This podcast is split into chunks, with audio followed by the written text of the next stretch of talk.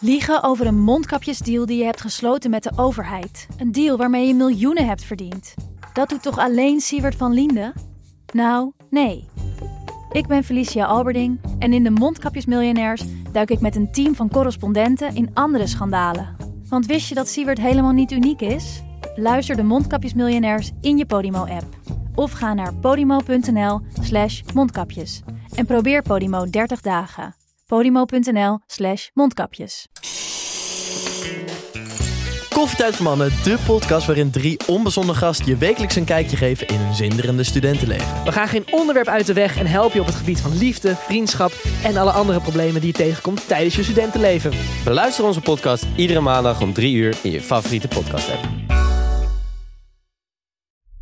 Vind je dit een leuke podcast? Luister dan ook naar Veldheren Historisch. Die maak ik, Mart Kruif, samen met mijn zoon en geschiedenisleraar Tom de Kruif. Je hoort het al, wij doen dingen die je bij andere podcasten niet hoort.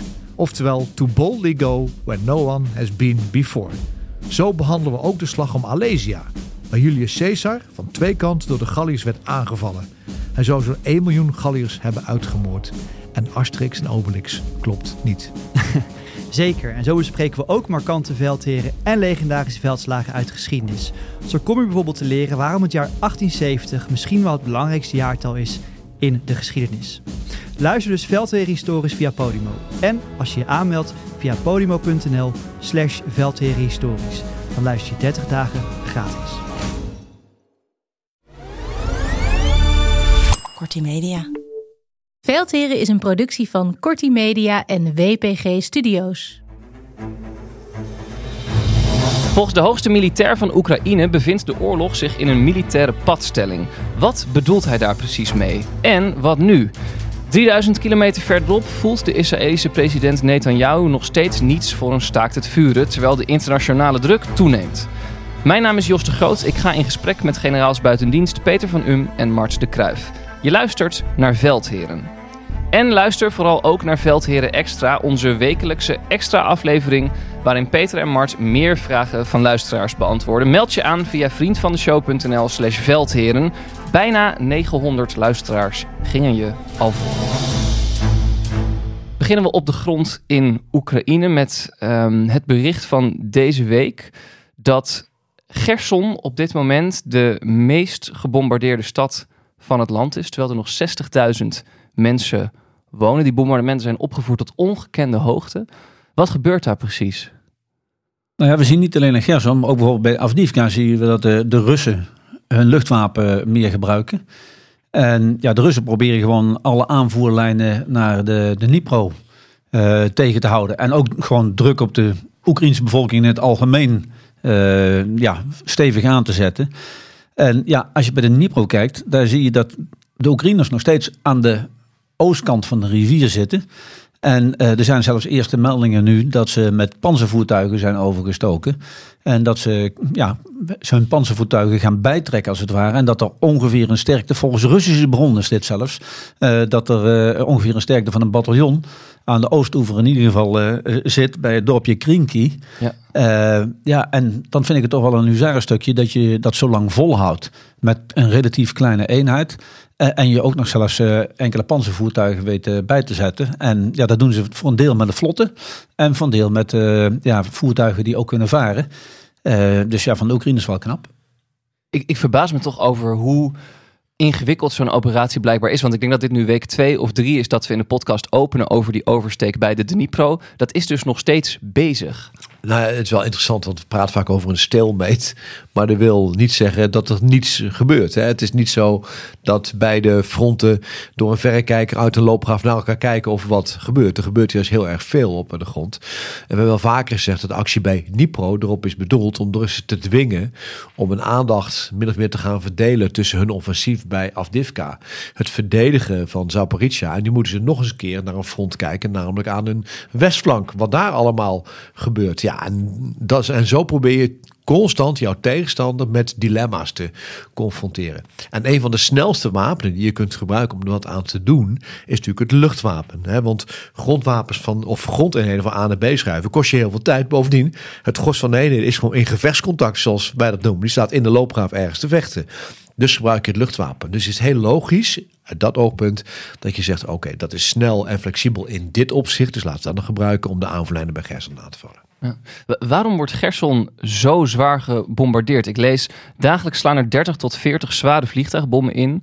Eh, afgelopen zondag waren dat er 87. Dat is echt een ongekende massa, toch? Ja, dat is het ook. Maar daardoor richten we onze focus nu op Gerson. Maar iedere nacht beschieten de Russen met, raket, met raketten, met drones, eh, het Oekraïnse achterland. Dus overal proberen ze eigenlijk een soort terreur neer te leggen. En ja, wat we de vorige keer ook al zeiden, Zelensky heeft al zijn bevolking gewaarschuwd dat er waarschijnlijk ook weer zo'n wintercampagne van de Russen komt. Ja. Waarbij ze ook zich weer gaan richten op eh, alle elektriciteitsvoorzieningen.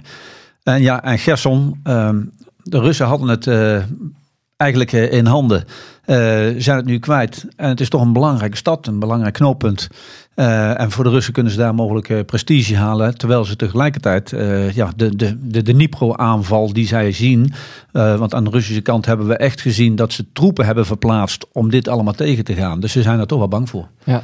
En er komt nog één ding bij. Als je in gevechtscontact bent op de grond met loopgraven, kun je bijna niet het luchtwapen inzetten, omdat die troepen vlak bij elkaar zitten. Hè, de, de kans, zoals wij het noemen, blue on blue op eigen troep is gewoon groot. Ja, bij Gerson heb je dat niet. Alles wat er zit is Oekraïens aan die kant. Dus dat maakt het ook aantrekkelijk, hoe gek het ook klinkt, om daar dan je luchtwapen in te zetten. Ja. En eh, Mart, jij wilde eh, ballistisch gaan eh, rondom de Russen. Ja. Doe ik regelmatig trouwens, maar dat is voor de intimie van deze podcast. Nee, wat je ziet is dat ja. Poetin is nog steeds bezig met een totale oorlog. En, en af en toe laat hij ook zien dat hij nog een groot kernwapenarsenaal heeft. Alle verdragen van kernwapens zijn eigenlijk opgeschort door de partijen betrokken, met name de Verenigde Staten en met name eh, Rusland.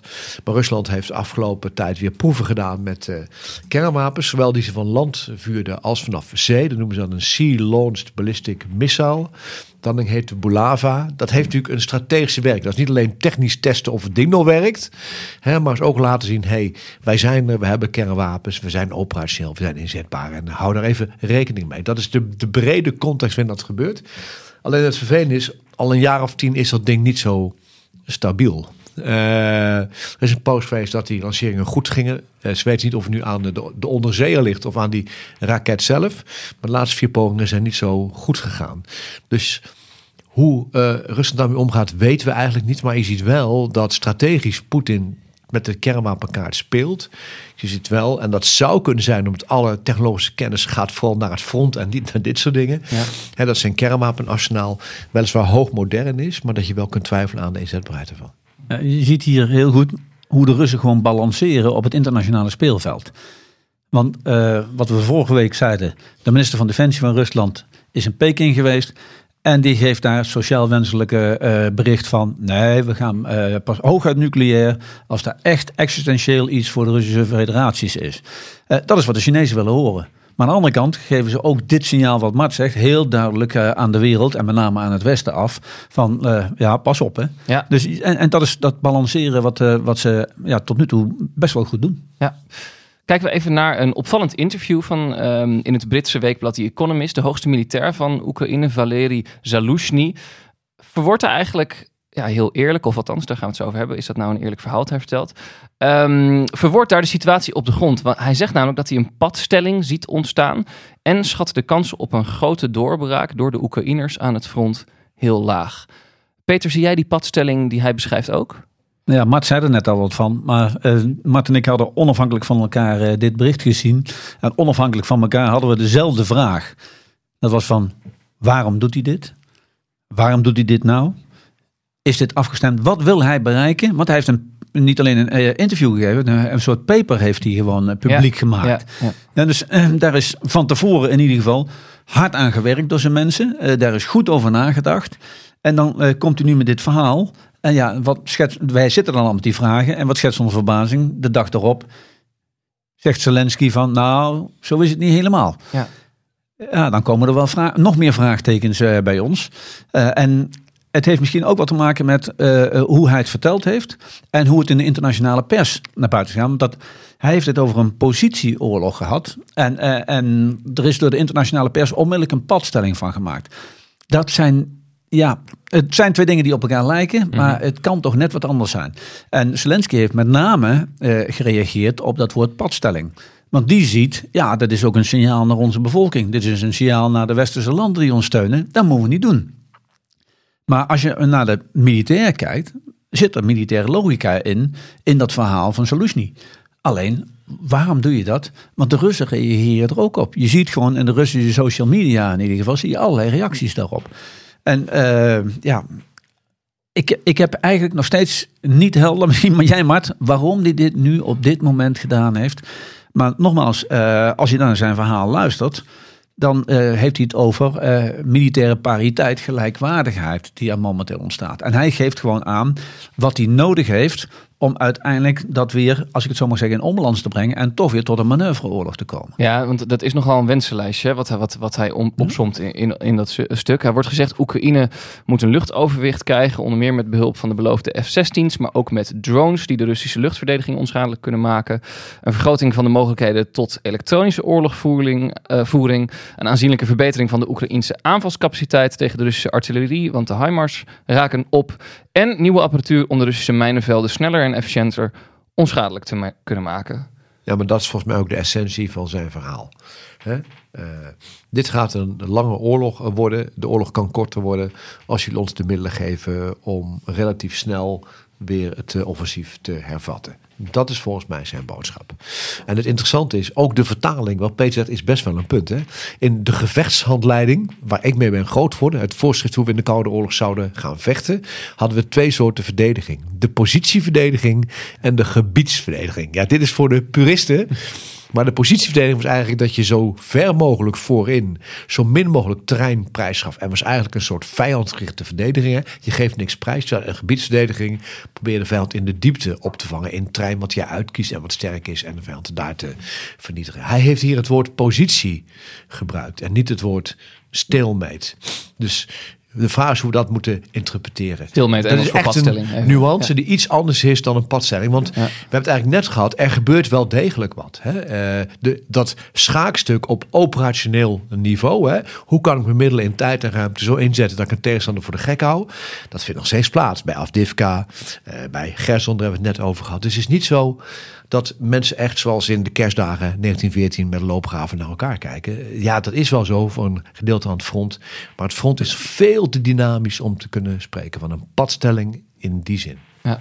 Ja, en er zitten ook dingen in eh, die ik dan weer koppel aan wat ik eh, in allerlei berichtgeving zie. Want de Russen klagen bijvoorbeeld voortdurend over het feit dat ze bij Avdivka, waar ze echt hun offensief proberen neer te zetten, dat ze heel veel last hebben van de elektronische oorlogvoering van de Oekraïners. En dat ze daardoor niet effectief zijn met hun artillerie niet effectief zijn met hun luchtstrijdkrachten. Dus plaatselijk en tijdelijk weten in ieder geval de Oekraïners op het gebied van elektronische oorlogvoering het best wel eh, goed voor elkaar te hebben.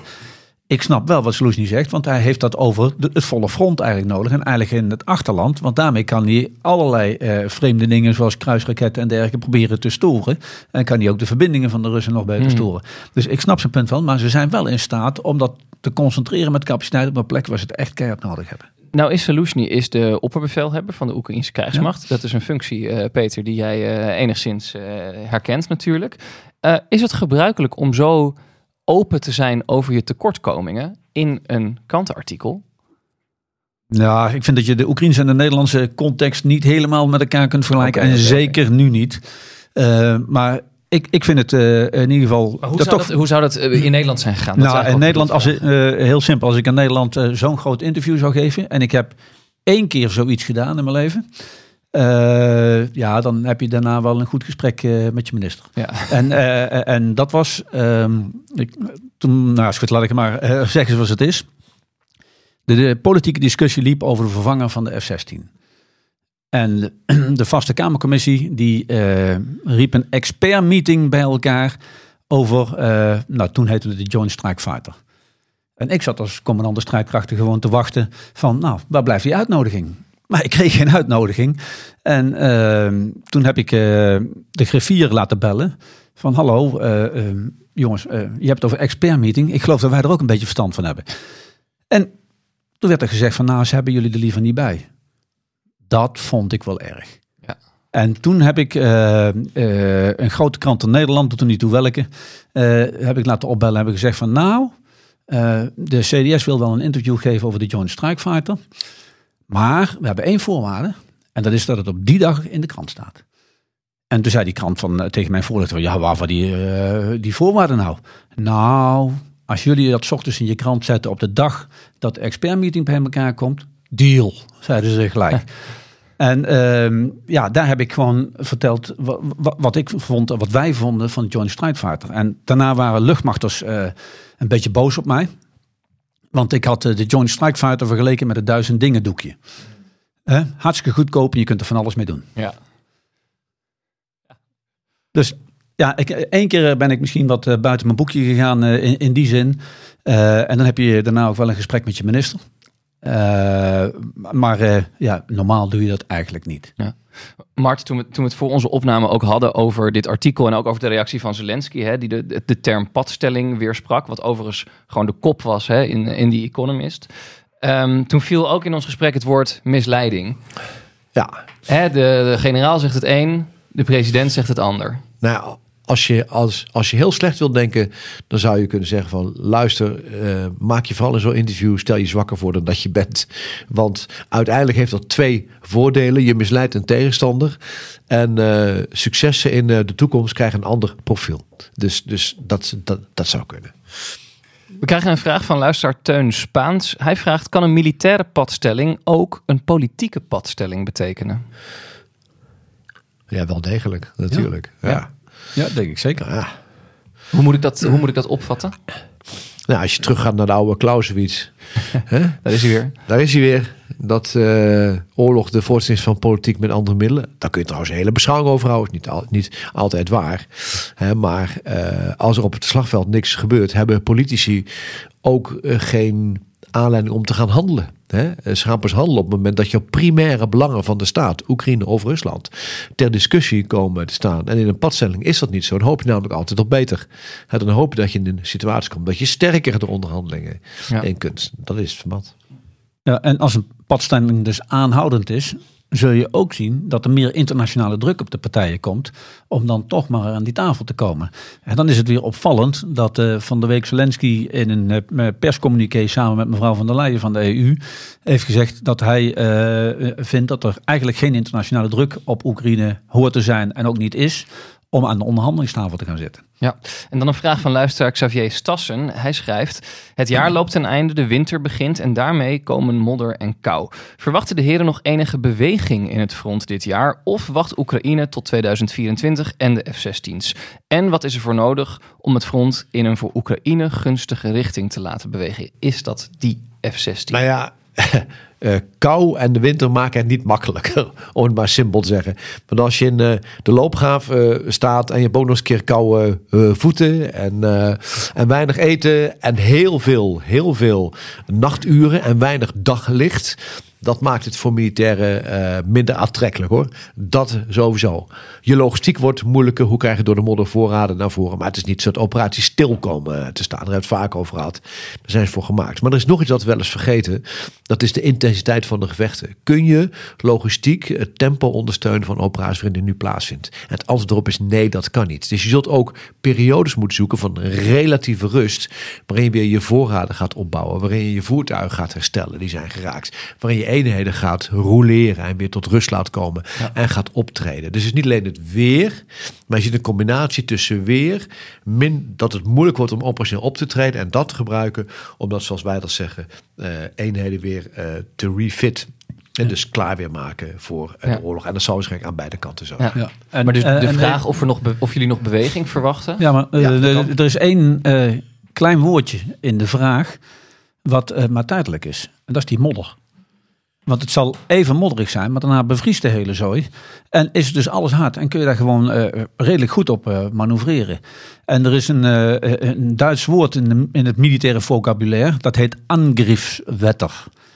Ja, dus als het weer gewoon naadje is, dan is de verdediger over het algemeen een beetje sip en zit onder in zijn schuttersput of zijn loopgraaf. Dat zijn de momenten waarop jij juist moet aanvallen. Ja. Ja, dus ja, als je, je kunt er ook gebruik van maken. Kijk, een heel mooi voorbeeld is het Ardennen-offensief van de Duitsers in de Tweede Wereldoorlog. Hè. Het was heel slecht weer. Eh, en dat gebruikte de Duitsers om het luchtoverwicht van de geallieerden, zeg maar. eh, Lage bewolking toen. Ja, lage bewolking. Dus dat kon niet worden ingezet, het luchtwapen van de geallieerden. En dat was het tijdstip van, oké, dan gaan we massaal met deze weersomstandigheden, dan gaan we gewoon aanvallen. Dus het is niet per definitie een uitsluitingsgrond voor operaties. Ja. Ehm, andere vraag van eh, luisteraar Jeroen Aarts. Ook nog even met dat wensenlijstje van uh, misschien indachtig. Hij vraagt ons hoeveel groter was de kans geweest op een geslaagd tegenoffensief... als huidige wapens er al na een half jaar waren geweest? Ja, jongens, al- als één ding zo moeilijk is in de krijgsgeschiedenis, is het de what-if-vraag. Eh, want daar kom je eigenlijk nooit uit. Soms is het gewoon wat het is en moet je handelen naar Ja. bevinden van zaken. Dus Ja, een thema wat vaak terugkomt, hè? want we begonnen met helmen en scherfvesten. en inmiddels zijn we bij de ja. Harmars en de eh, Ja, maar je- afstandsraketten. je kunt ook, en dat vergeet wel eens, hoe logistiek en opleidingstechnisch het moeilijk is om dit soort systemen Ja. goed operationeel te kunnen inzetten. Het is wel een vak, hè? het is niet een strijdknot die je even aan iemand geeft en eh, gaat drie keer slaan en eh, je kunt er wat mee doen. Je moet het onderhouden, je moet de munitie hebben, je moet de herstelcapaciteit hebben, je moet het in een tactisch concept kunnen inbedden. Succes ermee, dat doe je niet zomaar. En deze vraag leeft blijkbaar bij een hoop mensen, want bij de theatercolleges krijgen we deze vraag terug, ook eh, Ja. eh, Ja, eh, steeds naar voren. En ja, als je terugkijkt, toen de Oekraïners het offensief overnamen, als ze toen al die middelen hadden gehad, dan zou het misschien zo zijn geweest dat deze padstelling niet hier had plaatsgevonden. Maar ergens was er een padstelling gekomen. Ja. Een van de grootste problemen volgens oppercommandant Saluzhny is dat beide partijen door het gebruik van drones vrijwel elke beweging van de vijand in real-time kunnen volgen. Hoe kun je daar, Peter, als, eenhou- als eenheid rekening mee houden in je operatie? Eh, Je moet, wil je overleven en wil je succes hebben, zul je er continu rekening mee moeten houden. Dus in de loopgraven, eh, in achter de linies met de logistiek. Dus eh, je moet nooit te lang op één plek blijven zitten waar je eh, direct zichtbaar bent. Je moet continu je troepen verspreiden, alleen ze samenbrengen op het moment dat je ze daar echt nodig hebt. En, en zo moet je daar proberen mee rekening te houden. En uiteraard je verdediging tegen die drones inrichten. En dan moet je dus geen, ja, toch domme dingen doen, zoals nu recent toch aan de Oekraïnse kant gebeurd is. We hebben eh, in het verleden, denk ik, regelmatig gezegd dat Oekraïners heel goed zijn in OPSEC, ja, operational security, hè, het veilig houden van alle informatie over jouw troepen. De bevolking begrijpt het daar ook. Hè. De mensen eh, die eh, zetten geen fotootjes op, op social media of wat Ja. dan ook. De troepen doen het ook niet, wat aan de Russen- Russische kant compleet anders is. En dus dat doen ze hartstikke goed. En nou heeft dus afgelopen week een commandant in het gebied rond Zaporizhia heeft gedacht van nou, we moeten maar eens eh, een keer iedereen bij elkaar roepen en ze een medaille uitreiken voor al het goede werk wat ze gedaan hebben. En dat heeft hij gewoon in, het, in een open gebied gedaan. En dat is opgemerkt door een Russische drone. En ze zijn onmiddellijk aangevallen. En in ieder geval, volgens de berichten nu, zijn er 19 Oekraïnse militairen omgekomen. Eh, en ja, dan zie je hoe snel het met zo'n drone kan gaan. Eh, en, ja, nu is het, door Zelensky ook afgekondigd dat er een onderzoek komt naar wie er nou zo onverstandig is geweest. En ik, ga er even twee dingen aan toevoegen. Het eerste is het mooie begrip eh, tijd, ruimte, middelen. Kräfte, Raum, Zeit. Kijk, op een schaakbord zie je alle stukken. Eh, je kunt er wel zien dat eh, hij gewoon op de Duitse. eh Ja. Ja, ja, in het geval een Duitse term aan tafel valt. Zak, zak, ap in de hulle, klotsen, niet klekken. Maar op een schaakbord kun je alle stukken zien. Maar je weet niet precies wat de volgende zet zal zijn. Wat je natuurlijk nog steeds kunt doen, is jouw eenheden zodanig verplaatsen en verrassend verplaatsen, dat ze eerder op een bepaalde plek zijn dan dat jouw tegenstander dat kan zijn. Dus je kunt alles zien, maar alles zien is geen garantie dat je niet wordt verrast. Dat is één. En het tweede is, daar komt hij weer, de mentale component tussen de oren. Israël had ook drones. Israël had ook sensoren. Alsof we een brugje praten over naar, naar eh, Israël Ja, trouwens. ja, ja. Toch werden ze verrast. Terwijl ze alles konden zien. Ja. En dat is wel het gevaar als je te veel op technologie vertrouwt. Dat wil niet zeggen dat je nooit verrast kunt worden. Want Z- Zaluzhny zegt daarover in datzelfde eh, artikel om zeg maar, deze situatie te doorbreken. eh, hebben we iets nieuws nodig. Zoals het buskruid dat de Chinezen uitvonden en dat wij nog steeds gebruiken om elkaar te doden. Maar wat dat iets nieuws dan moet zijn? Ja. Nou, ik, ik, ik heb hem niet. We zien natuurlijk dat eh, door cyber is er een heel nieuw domein gekomen. Door space is er een heel nieuw domein gekomen in de militaire wereld. Eh, dus ja, misschien komt er weer wat nieuws. Ja. Maar soms wordt er ook naar oudere middelen gegrepen. Want wat schetst mijn verbazing? De Russen hebben dus bij Avdivka een tunnel gegraven. En hebben dus een Oekraïense opstelling hebben ze van onderaf opgeblazen. Jee, dat zagen we in de middeleeuwen al. En dat zien we nu weer in een ander conflict. Voor we doorgaan naar Israël, kijken we nog even naar Dagestan. Een zuidelijk puntje van Rusland tegen Georgië en Azerbeidzjan aan. Een deelrepubliek. Daar werd niet zo heel lang geleden een vliegtuig dat uit Israël landde bestormd door een anti-Joodse menigte. Hebben jullie daar een verklaring voor waarom dat precies daar tot die situatie leidde? Nou, waarom precies daar? Dat, eh, dat durf ik niet te zeggen. Maar het is maar één uiting van wat veel dieper in de Russische samenleving zit. En ook in de Russische krijgsmacht. Je ziet gewoon dat er tussen etniciteiten, soms religies, en dan zullen onze luisteraars misschien zeggen religies, zijn toch allemaal Russen? Ja, maar eh, je hebt Russen die orthodox-christelijk zijn. En je hebt ook Russen of Tsjetsjenen die het moslimgeloof aanhangen. En dat botert allemaal niet met elkaar. En het is dus ook voor de Russische commandanten lastig. Want je ziet gewoon in eh, ja, bloggers van de Russische krijgsmacht... die daar gewoon ook echt over bloggen. Die klagen dat er gediscrimineerd wordt. Dat de eenheden anders worden ingezet, anders beloond worden. ehm, eh, eh, omdat ze toevallig van een... Ja, ander deel van, van de Russische federatie zijn. Dus het is niet alleen wat er in Dagestan is gebeurd. Het is daar continu aan de orde. En als commandant eh, is dat gewoon verdraaid lastig om daarmee eh, mee te dealen. We zien, we zien ook dat eh, zelfs Poetin, na wat er is gebeurd met het El Al-vliegtuig... en overigens ook nog op een andere plek daar in Dagestan... dat Poetin zich gedwongen heeft gevoeld om daar gewoon iets over te zeggen in de media. En vandaag wordt weer bekend dat een plaatsvervangend minister eh, van Binnenlandse Zaken in Dagestan, plus een ambtenaar, die zijn opgepakt. En ja, ze worden nu verdacht van eh, omkoping. Maar dat is gewoon de blame game die ze weer uitvoeren. er moet ergens een babbeltje hangen, die moet de schuld krijgen. En dat doen ze nu eh, middels deze persoon. Ja, kortom, jullie zien ook duidelijk eh, scheuren in de eenheid van het Russische leger, zo te zeggen. Nou, maar dat, dat is eigenlijk per definitie al wat Peter zegt, gezien de verschillende etniciteiten die daarop Ja. eh, treden. Eh, maar dus heeft natuurlijk ook wel te maken met het kanaliseren van een institutionele haat die er is. En je kunt ook niet ontkennen dat in Rusland ook breed een soort latent antisemitisme aanwezig is. En, en in die combinatie van die twee komt dat nu naar buiten. Ja, en, en daar wil ik nog aan toevoegen dat in de Russische federatie kun je gewoon eh, opmerken, zien dat er een enorme druk is op juist die wat meer achtergestelde groeperingen. Maar ook migranten die in Rusland gaan. Er is een enorme druk om, eh, je wil je een Russisch paspoort, prima, maar wel tekenen om naar het front te gaan. Eh, en eh, ja, dat zijn natuurlijk niet de meest gemotiveerde militairen. Gaan we door met de situatie in Gaza en Israël. Ehm, en dan wil ik even beginnen met een eh, mail van een luisteraar die we kregen van Liline van Tets. Zij schrijft ons: Met veel plezier heb ik geluisterd naar de podcast Veldheren. Eindelijk geen politieke beschouwingen, voorspellingen of vrees hoe de oorlog in Oekraïne zou gaan verlopen. Maar ervaren militairen die kijken naar de gebeurtenissen aan de frontlinie en aan ons luisteraars uitleggen wat dat betekent. Helaas is besloten om nu de oorlog in Gaza erbij te nemen als gespreksonderwerp. Een oorlog met een ingewikkelde en decennia lange voorgeschiedenis. Een gebied vol met internationale politieke tegenstelling, te- tegenstellingen en economische belangen. Waar Iran een rol speelt en Saoedi-Arabië, waar sommige landen Israël erkend hebben en andere niet. Jos de Groot stelt nu ook andere vragen, zoals in de laatste aflevering. Waarom wordt de keuze gemaakt dat het voor mensen met een buitenlands paspoort nu mogelijk wordt om de Gazastrook te verlaten? Wat moeten de veldheren daar nu over zeggen? Dat is een vraag voor Rob de Wijk en andere politieke commentatoren.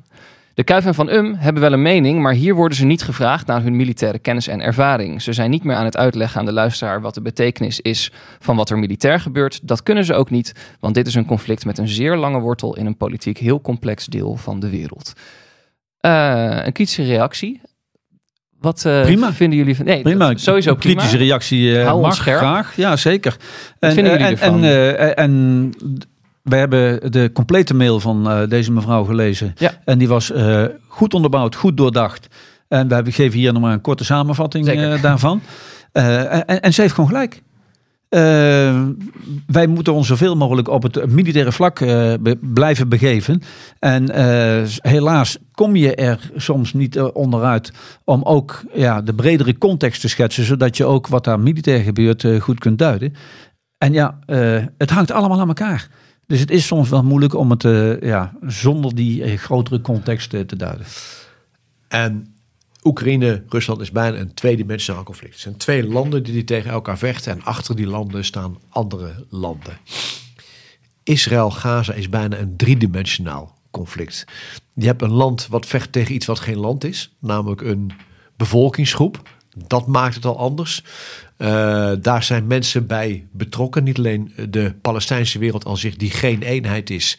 Want Hezbollah is weer anders dan op de Westbank. Met de Palestijnse autoriteit is weer anders dan Hamas. Daar staan landen achter die soms een hele duidelijke rol spelen. Zoals Iran en de Verenigde Staten. Maar ook landen achter die een hybride rol daarin spelen. Kortom, er zijn zoveel landen betrokken bij deze oorlog. Zelfs raketten die uit Jemen worden verschoten richting Israël. Daar komen we straks op. Dat het bijna niet mogelijk is om politiek hier te scheiden van wat er militair op de grond gebeurt. Kijk, militair tactisch is het makkelijk. Want als met je poten in eh, de klei ga je Gaza-stad in. Maar alles daarboven heeft een politiek effect. Alles wat er in Gaza gebeurt, elke stap heeft gelijk een politiek effect. Heeft repercussies in de wereld. Mooi brugje naar Dagestan. Hè? Ja. Laat zien dat het een politiek effect heeft. En daarom is dit zo ongelooflijk moeilijk te scheiden. Zelfs voor de veldheren. Ja, en, en even gelijk, want het is zo complex. Mhm. dat het is wel af en toe nodig om die uitstap te maken. Want als je de juiste de duiding niet geeft met de juiste context, dan gaan er allerlei emoties bij mensen los. Ja, en het is ja, wat dat betreft echt af en toe even noodzakelijk. Maar eh, we gaan proberen ons zelf scherp te houden. Zeker. Eh, en laten we kijken dan dus ook wat er nu militair gebeurt. En laten we, laat ik dan ook maar gewoon vragen, waar is het Israëlische leger, op dit moment mee bezig? Eh, de eerste fase van de inval in Gaza was natuurlijk het voorbereiding eh, van de inval en zeg maar shaping the battlefield, zoals het noemen. Hè? Met het luchtwapen of met gerichte artillerie probeer je eh, de commandovoering van Hamas en de logistiek probeer je te degraderen. Laat het zo maar zeggen. De tweede fase was het isoleren van in dit geval Noord-Gaza. Er is besloten niet in heel Gaza op te treden, maar het isoleren van Noord-Gaza. En dat gebeurde door drie grondaanvallen, waarvan de grootste eigenlijk tussen Noord en Zuid eh, Gaza was. Om Gaza-stad in het noorden te isoleren van de rest. Waardoor je eigenlijk het strijdtoneel zodanig hebt dat je dat van de buitenkant af kunt beheersen. En de derde fase, die zien we nu, is dat je probeert van daaruit structureel de middelen van Hamas, de militaire middelen van Hamas, eh, aan te grijpen. Daar wordt het ook een beetje blurry, daar wordt ook een beetje onduidelijk, want gaan ze nu heel Gaza-stad in of zijn het aanvallen met een beperkte doelstelling gericht tegen een specifieke locatie? Besterkt indruk, althans ik, dat het het laatste is. Hè, dat ze niet heel Gaza-stad gaan bezetten. Maar je ziet dus een soort, ja, wij zeggen wel eens, eh, dat klinkt raar, maar dat je eigenlijk op de handrem Gaza aanvalt. Want nogmaals, er zijn 300.000 Israëlische soldaten zijn er gemobiliseerd.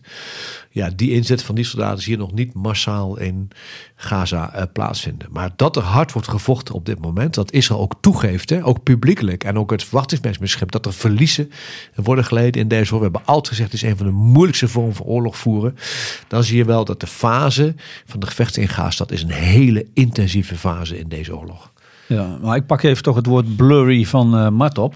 Ik denk dat in de eerste fase het al eh, ja, mistig, moeilijk te bevatten was voor mensen.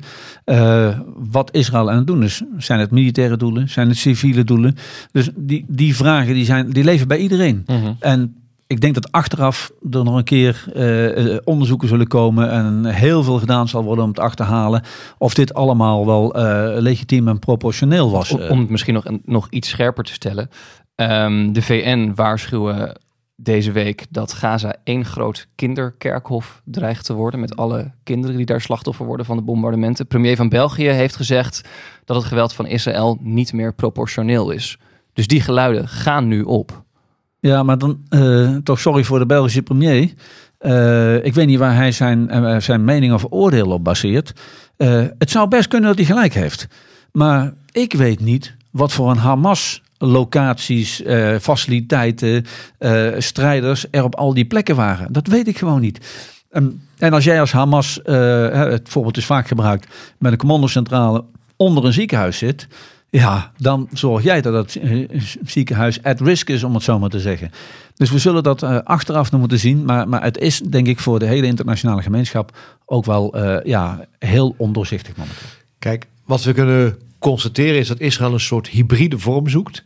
Met het luchtwapen, wat meer op afstand op specifieke doelen wordt ingezet. En heel gericht op de grond, hè, huis voor huis, flat voor flat, boven en onder de aarde, om die proberen te veroveren en in te nemen. Het is een soort hybride vorm.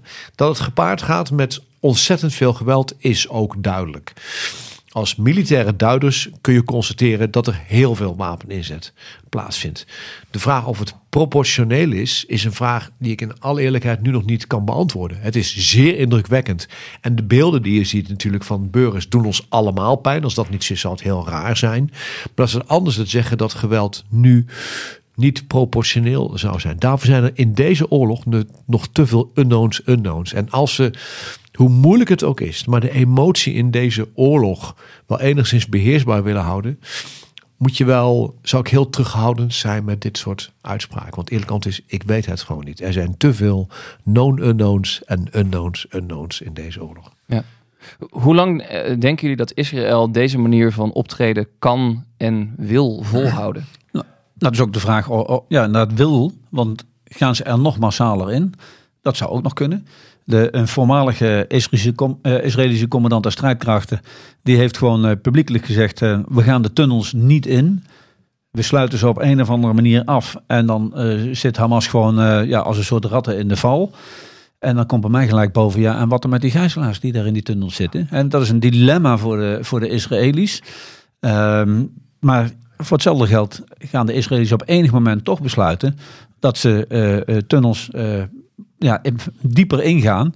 Uh, en dan, dan krijg je een, uh, ja, een, een, nog smeriger gevecht. Ja, en eigenlijk is het, hè, zolang Hamas Israëlische burgers gegijzeld houdt, wil de Israëlische regering niet stoppen met vechten. Ja. Hamas heeft eerder juist gezegd geen gijzelaars vrij te laten, zolang Israël doorgaat met zijn aanvallen op de Gazastrook. Nee, dat is wel een padstelling. Is dit ook, ja, ja nou dat was mijn vraag inderdaad. Noemen we dit dan een padstelling? Dit is al een klassieke padstelling. Ja. Dit daar ga je niet uitkomen. Waar ik me wel zelf, ook als persoon zorgen maak, is elke dag dat deze oorlog langer duurt, wat betekent dat voor het lot van de gijzelaars? en, en langzamerhand ga je naar een stelling toe. Wat is het belang voor de gijzelaars, voor Israël en de operatie? Ik heb daar nog een onbestemd gevoel voor. En dan moeten we maar zien de komende dagen wat eruit komt. En dat is natuurlijk ook wel de reden voor de politieke druk. Israël kan nooit zeggen, die gijzelaars, ja, wij gaan door met de operatie, ongeacht de gijzelaars. Want daar zit veel veel buitenlandse politieke druk in. Ja. Maar ook de fysieke en mentale gesteldheid van de gijzelaars die dit moeten meemaken, elke dag in de oorlog, gaat het natuurlijk niet beter met die gijzelaars. En dat moeten we ook met z'n allen constateren. Ja. Als we ook nog even stilstaan bij die internationale context uh, van dit conflict. Mart, um, Israël uh, heeft een ballistische raket onderschept vanuit Jemen. Wat zegt dat? Nou ja, dat zegt eerst dat het hartstikke moeilijk is om politiek te gaan scheiden van militaire effecten in deze uh, oorlog. Maar het is eigenlijk voor het eerst als het waar is, en er staat een heel verhaal in de Telegraph, hè, dat zelfs Jemen een ballistische raket, die gaat dus heel hoog in de dampkring, zelf naar buiten en keert dan terug. Die was gericht op Eilat. In dit uh, geval dat hij vanaf Jemen is afgevuurd en dat het Israëlische raketschild wat ze hebben tegen ballistische raketten deze heeft onderschept en vernietigd. Als dat zo zou zijn, zou dat het eerste daadwerkelijke wapengebruik in de ruimte zijn geweest in de geschiedenis. Dat in de ruimte een ballistische raket afgevuurd is uitschakeld door in dit geval Israël. Dat verdedigingsschild van Israël is systeem wat samen de Amerikanen hebben eh, opgebouwd. Reagan is al mee begonnen met het raketschild op te bouwen om die ballistische raketten te kunnen uitschakelen. Israël heeft deze capaciteit ontwikkeld samen met de Verenigde Staten. En als dit verhaal waar is, dan is het wel een, een zeer opmerkelijk stap in de krijgsgeschiedenis. Want het is de eerste keer dat in de ruimte, in die dimensie, daadwerkelijk een uiteenzetting heeft plaatsgevonden. Ja, en ik zit dan toch nog met een vraagteken. Want we weten dat uh, de afgelopen week, meen ik, een Amerikaans schip al een keer raketten uit Jemen uh, uit de lucht heeft gehaald. En dan denk ik van, waar is dat Amerikaanse schip dan nu geweest? Eh, dat is dan zo'n vraagteken waar ik eh, nog even mee zit. Ja, en we hebben ook geen antwoord, denk ik. Hè? Nee, ik, eh, ik, ik kan helaas eh, eh, niet zomaar even meer mijn Amerikaanse collega bellen. Nee, nee, nee, nee. nee.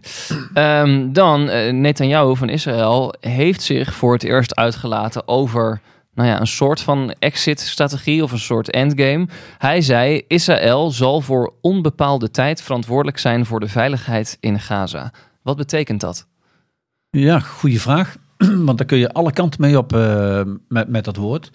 En, geeft hij zichzelf nu een vrijbrief om de komende maanden, jaren daar te doen wat hij wil. Om het mogelijk te maken dat ze een veilige situatie hebben. Eh, aan de andere kant hoor ik weer dat een Israëlische minister heeft geroepen van wij gaan niet het bestuur vormen over Gaza. Dus eh, eh, ja, het is, het is een beetje mistig wat ze nou bedoelen. En volgens mij spreken ze niet allemaal met één taal momenteel. Er zijn ook mensen die natuurlijk spreken voor vrijbaan voor de kolonisten bijvoorbeeld. Ja, ja, nou ja, maar, maar, wat, wat moet het dan uiteindelijk worden? Want dat is eh, eh, een vraag die, eh, waar iedereen mee bezig is. Ja. Maar zelfs, En, ja.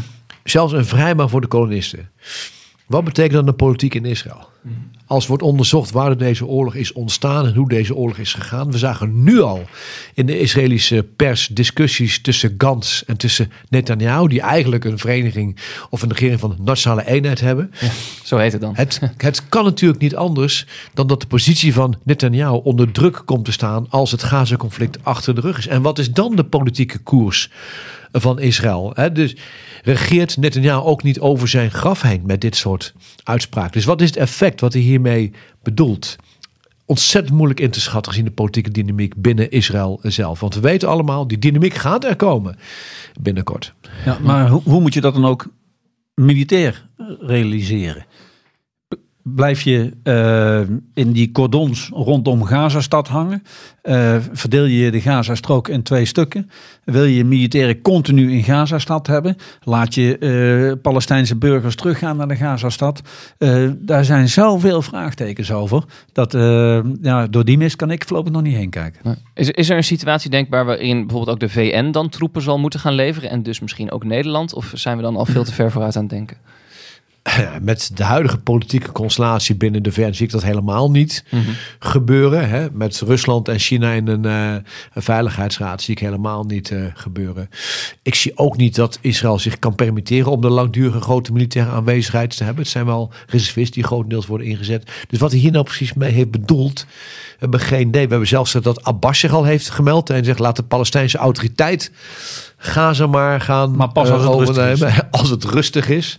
Nou, daar zal Hamas of de islamitische jihad toch ook echt anders over denken. Dus ja, er zit wel een discrepantie tussen de uitspraak van Netanyahu en wat wij denken, wat de realiteit op de grond is. Dus weet niet wat eruit gaat komen. Ja, en stel dat we in de VN-veiligheidsraad toch een of andere vorm van resolutie krijgen. ehm, welke troepen moeten er dan naartoe? Hmm. Welk land is bereid om zijn troepen in dit wespennest te steken? Ik zie ze nog niet. Ik moest nog denken aan de situatie waarin jij naar Libanon bent geweest in de jaren tachtig. Zit daar een vergelijking tussen? Nou ja, dat het allebei in de regio is. Ja, meer niet. Maar meer niet. In, in Mali wordt de VN min of meer eruit gejaagd op dit moment. Hè? Hmm. As we speak, door eh, de machthebbers, gesteund door de Wagner groep. Ik bedoel, ja, de VN heeft natuurlijk maar een beperkte capaciteit en vermogen en geloofwaardigheid om partijen te gaan scheiden in dit soort omgeving. Dus of dat een haalbare kaart is. Ja, maar bedenk nou alleen eens, dan wil je daar VN-veiligheidstroepen neerzetten. Dan moet je dus landen hebben die troepen leveren die voor beide partijen acceptabel zijn.